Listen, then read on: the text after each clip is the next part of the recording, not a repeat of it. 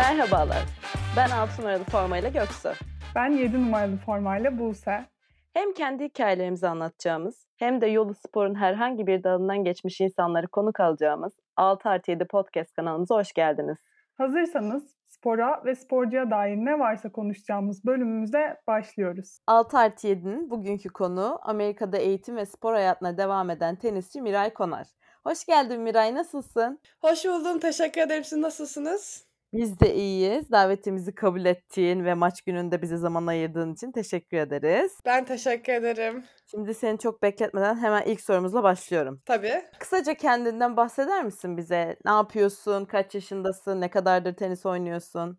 Ee, Ben Miray Konar. Ee, 3 Mayıs 2003 İzmir doğumluyum. Tenise 8 yaşındayken başladım ve kendimi bildim bile tenis oynuyorum desem yeridir. Şu anda e, 19 yaşındayım.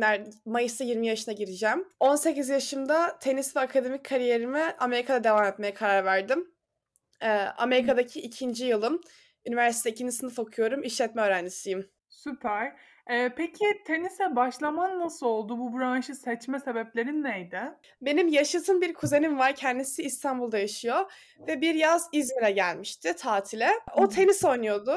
Ve ben de biraz da yüzme yapıyordum. Daha sonrasında ben seni yenerim diye tenise böyle bir e, tenise merak saldım. O da ben de seni yüzmede geçerim diye yüzmeye merak sardı aslında. Aynı zamanda da aynı yaz İzmir Tenis İhtisas Kulübü'nün yaz okuluna gidiyordum ve o yaz okulunda hem yüzme hem de tenis vardı. Tabii yüzmeyi ben çok sevmedim açıkçası ama tenis gelsin diye hep saatleri sayıyordum. İşte tenise iki saat kaldı, tamam bir saat kaldı, biraz sonra tenis oynayacağız gibisinden. Ailem de bu merakımı fark etti. Daha sonra da ilk önce özel derslerle başladım. Daha sonra altyapı e, kurslarına gitmeye başladım. Daha sonra altyapıya seçildim. Sonra da öyle öyle basamakları çıkarak bugünlere kadar geldim. Peki Ya kuzenin şeyi- hala oynuyor mu tenis? Çok pardon. Yok kuzenim tenisi bıraktı. O da e, yüzücü oldu. 16-17 yaşına iyi. kadar profesyonel yüzü- yüzme yaptı. E, sa- daha sonra bıraktı o. Ya şey şeyi paylaşmak istiyorum ben de. Yani şimdi özellikle bu çocukluk zamanlarımıza baktığımızda ne kadar çok çevremizdeki insanlar bizi etkiliyor. Yani o yaşlarda işte ben de mesela öyle arkadaşlarım oynuyor diye voleybola başladım. İşte sen de öyle kuzeninden görüp başlamışsın. Aslında çevrendeki böyle çevre nasıl iyi spor yapıyorsa veya bir şeyle ilgileniyorsa senin de ilgin hemen oraya kayabiliyor. O yüzden e, çok şey geldi bana da. Benim de hikayemle benzer geldi yani. Evet, evet kesinlikle katılıyorum ve küçük çocukların zaten ne görüyorsa, çevresinde ne görüyorsa onu yapmaya eğilimi var. Ve e, anne babaların bunu unutmamasını öneririm. Peki ailende spor yapan var mıydı veya e, va- yoksa da seni bu konuda desteklediler mi? Ailemde spor yapan kimse yoktu. Zaten kuzenim de yüzmeyi bıraktıktan sonra hiç kimse kalmadı. Ailemdeki tek sporcu benim. Ama annemle babam beni sonuna kadar destekledi. Maddi manevi. Başlarda özellikle lise lise 1'e geçtiğim zaman babam okulumu etkileyecek diye çok korkuyordu. Fakat ben sporla akademik hayatımın dengesini bulmayı bir şekilde başardım. Ya aslında dediğin gibi yani ilk başlarda ailelerde biraz o korku oluyor ama şeyi de e, bence fark etmeleri gerekiyor aslında. O sporun getirdiği disiplin mutlaka eğitim hayatına da yansıyor. Eminim e, anne baban da aslında senin o disiplini gördükten sonra o korkuları çok çok azalmıştır. Ee, sen liseye kadar Türkiye'de okudun aslında. Sonrasında üniversite eğitimin için dediğim gibi Amerika'ya gittin. Amerika'da da hem tenis takımında oynuyorsun hem e, bir yandan e, eğitimine devam ediyorsun. Yine aynı şekilde bu da zorlu bir süreç aslında. E, bize biraz eğitim sürecinden bahsedebilir misin oradaki? Yani çünkü oraya giderken o yolculukta birçok adım var tamamlaman gereken ve liseden itibaren de aslında o yolculuğa hazırlanıyorsun bir şekilde. E, senin için bu okul ve spor nasıl bir arada devam ediyor? Benim için bu bir kere şunu sorabilirim ki Türkiye'deki üniversite sistemiyle Amerika'daki üniversite sistemi kesinlikle çok farklı. Eee, birincisi Amerika'daki üniversitelerde spora çok önem veriliyor. Mesela benim bugün maçım var ve kaçıracağım bir ders var. O dersi ben profesöre gidip benim maçım olduğu için dersi kaçırıyorum.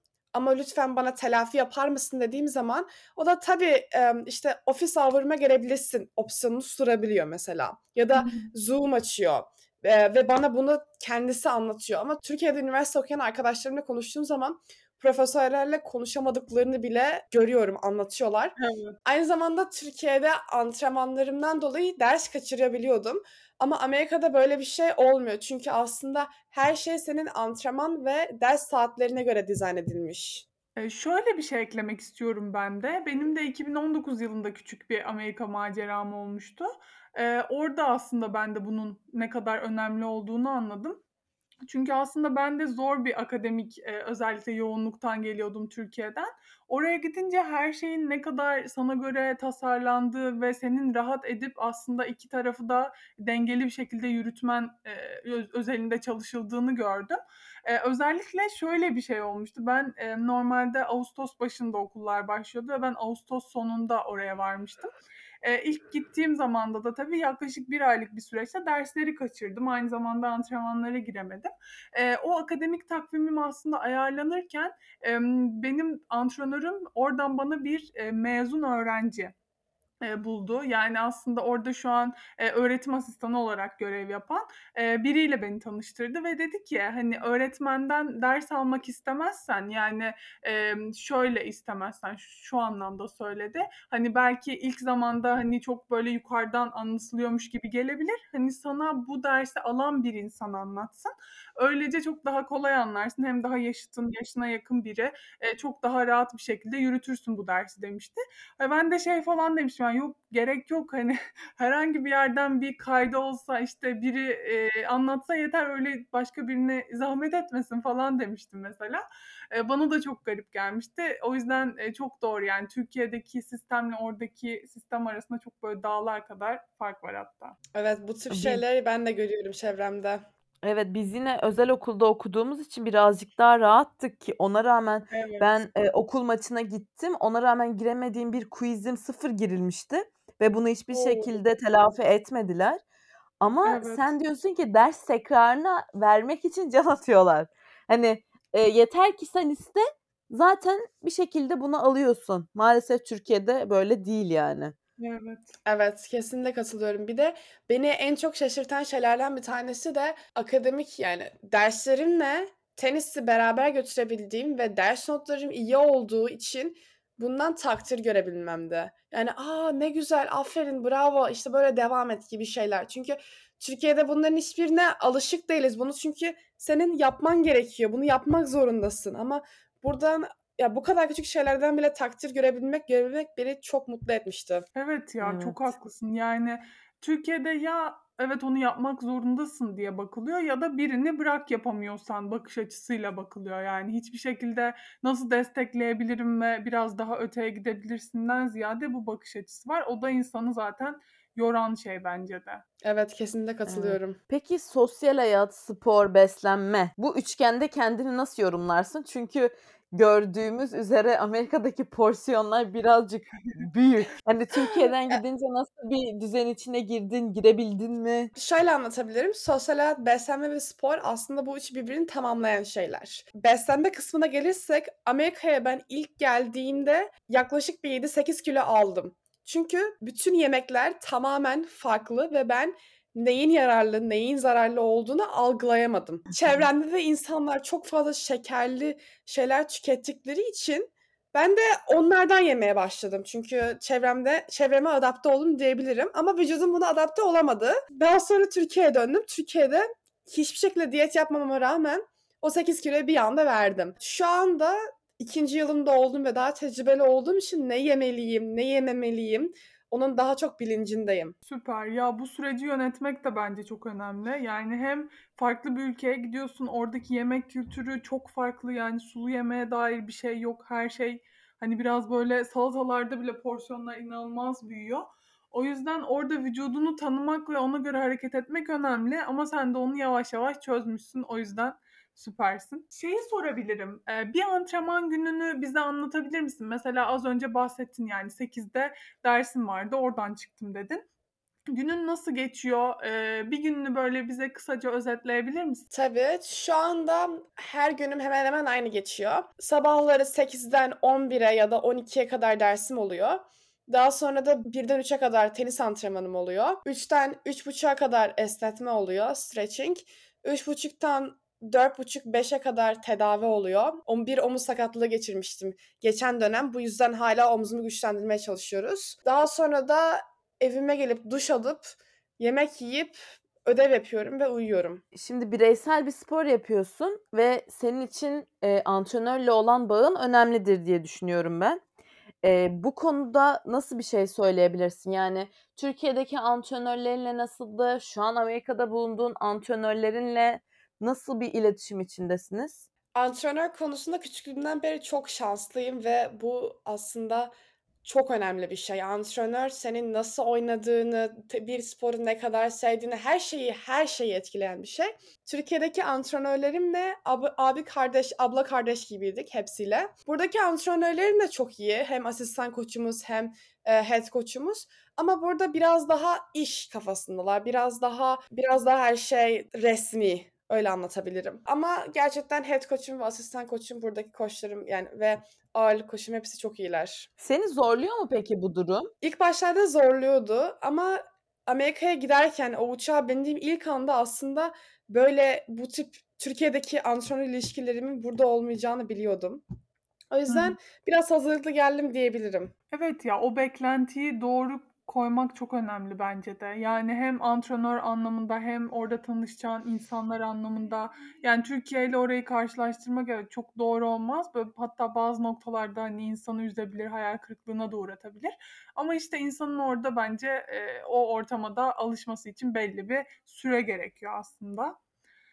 Eee, bunun yanı sıra aslında bu noktaya gelene kadar, eee, birçok şey yaşadığını da tahmin ediyorum. Eee, en somut örneği aslında şu an ailenle, arkadaşlarınla, eee, aynı saat diliminde bile yaşamıyorsun ki bu da oldukça zor yani. Aslında farklı dünyalarda yaşıyor gibi oluyorsun.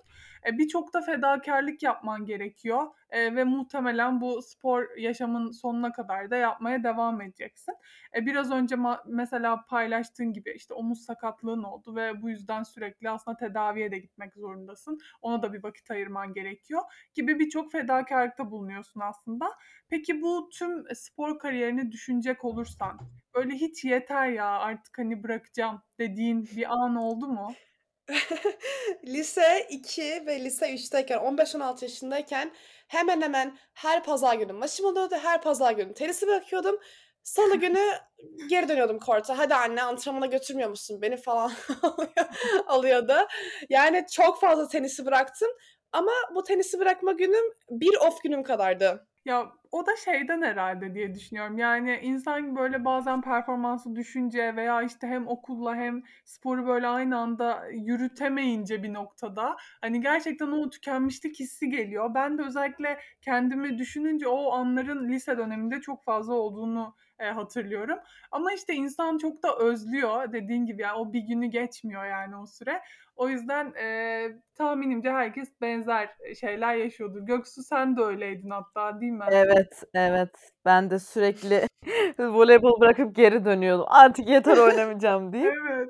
Ama bir şekilde o seni bırakmıyor zaten. Yani bu bence Evet. birazcık da hani öylesine söylenmiş, ağızdan çıkan bir şey. Hani yürekten söylenmiyor. O yüzden bitmiyor. Evet, Evet, kesinlikle. katılıyorum. Ama mesela eğer o turnuva çok güzel geçmişse o pazar günü tenisi bırakmıyordum. Belki bir sonraki pazar günü tenisi bırakıyordum kaybettiğim zaman. Bir hafta erteleniyordu süre. Evet. Şu an Amerika'da hem eğitim hem spora devam ediyorsun ve daha yaşın çok küçük ama yine de bir soru. Şu an olmak istediğin kişi misin? Güzel soru. Aslında evet şu anda olmak istediğim kişiyim diyebilirim. Olduğum yerden çok mutluyum ve karşıma çıkan fırsatları değer- doğru değerlendirdiğim için çok mutluyum. Kesinlikle. Bu senin hayalin de bunu yaptın. Ha ilerideki hayalin atıyorum tenisi bırakmak bile olabilir ama öncesindekileri gerçekleştirdiğin için bence böyle tik ata ata ilerleyince insan daha bir hem huzurlu hem gururlu hem böyle kendini büyümüş hissediyor bence. Ee, 8 yaşından beri verdiğim emeklerim boşa gitmediği için çok mutluyum. Yani şeyden bahsettin evet şanslarını karşına çıkan şansları doğru kullandığından ama bence orada önemli olan şey aslında o şansları görebilmek de. Yani birçok insanın belki karşısına böyle şeyler, böyle fırsatlar çıkıyor. Ama onu doğru değerlendirebilmek bence işte orada senin tenisi ne kadar sevdiğin veya ileride ne yapmak istediğin devreye giriyor. Eğer hedeflerin netse ve orada sen kendini görebiliyorsan bir noktada o fırsatları da çok rahat sezebiliyorsun. Çünkü o dediğim gibi fırsatları anlamak da ayrı bir beceri bence. Katılıyorum. Bir de sosyal medyada seni takip ediyoruz. Bayağı içerik üretiyorsun. TikTok falan da Özellikle kullanmayı TikTok. seviyorsun. Evet. Bunları kullanmaya nasıl başladın? Bu içerikleri üretmek yani senin aklına mı geldi? Biri teşvik mi etti? Yani aslında bunun e, çok eski bir background'u var bence. Benim annem e, çok sosyal medya kullanmayı çok sever. 10 yaşındayken, ben 10 yaşındayken annemin bir Facebook hesabı vardı ve orada sürekli paylaşım yapıyordu ve ben de ona çok özeniyordum. Daha sonra da Hı. 15-16 yaşıma geldiğim zaman işte influencerları görmeye başladım ve spor alanında çok fazla bir influencer'ın olmadığını fark ettim. Özellikle teniste hiç yoktu ve aslında yapabileceğimi düşündüm ve yaparken de çok eğleniyorum. Gerçekten insanlara benim deneyimlerimi paylaşmak beni çok mutlu ediyor. Hı. Böyle bir şeyler yapmaya çalışıyorum. Eline sağlık.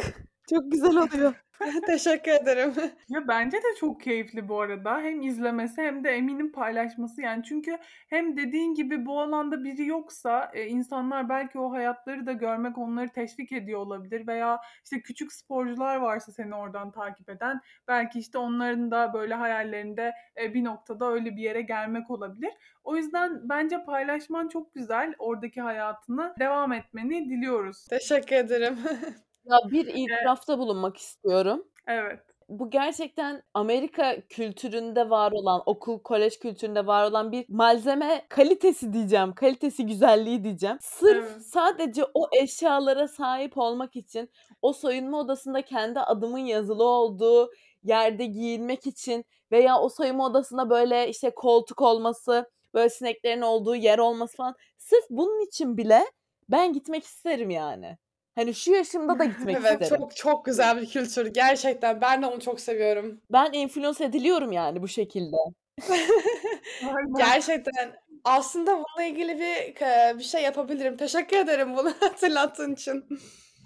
Bak çok iyi. Ya- Yani ben şeyi izledim senin kıyafetlerle işte bu maç eşyaların mı artık bilmiyorum ne olduğunu. Onlarla çektiğin video vardı bir tane. Onu izledim.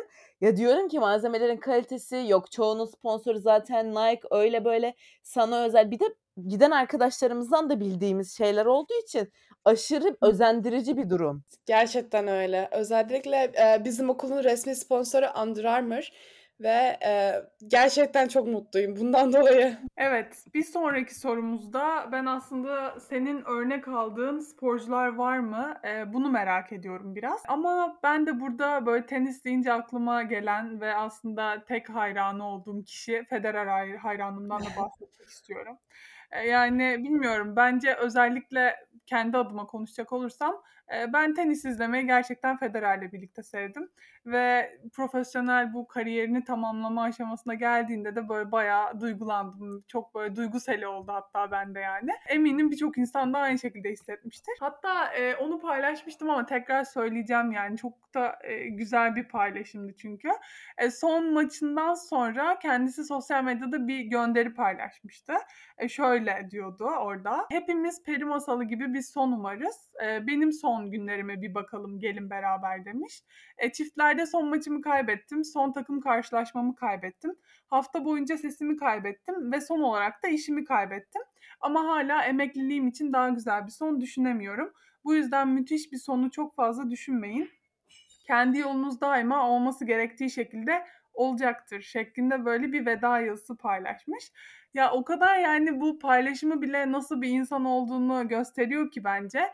E, eminim senin için de öyledir ama e, yine de senin örnek aldığın kim var onu bir sormak isterim. Evet benim de her diğer her tenisçi gibi en büyük örnek aldığım insanlardan bir tanesi Roger Federer. Küçüklüğümden beri çok seviyorum. Bence korttaki duruşu diğer tenisçilere göre çok çok farklı ve tenis deyince akla gelen ilk isimlerinden bir tanesi. Ve Evet. iyi ki onun jenerasyonuna denk gelmişiz. İyi ki onu izleme fırsatı bulmuşuz diyebilirim. Kesinlikle. Yani onu canlı izlemek bile gerçekten büyük şans. Evet katılıyorum. Peki seninle aynı branşta olan sporculara tavsiye verir misin? Benden küçük mü yoksa benim yaşıtım mı? Biraz daha spesifik olursa. Senden küçükler olsun. Tamam. Ee, benden küçüklere verebileceğim en büyük tavsiye bazen teniste işler çok kötü gidiyor gibi gözükebilir. Bazen yokuş aşağı yuvarlanıyormuşsun hissi verebilir.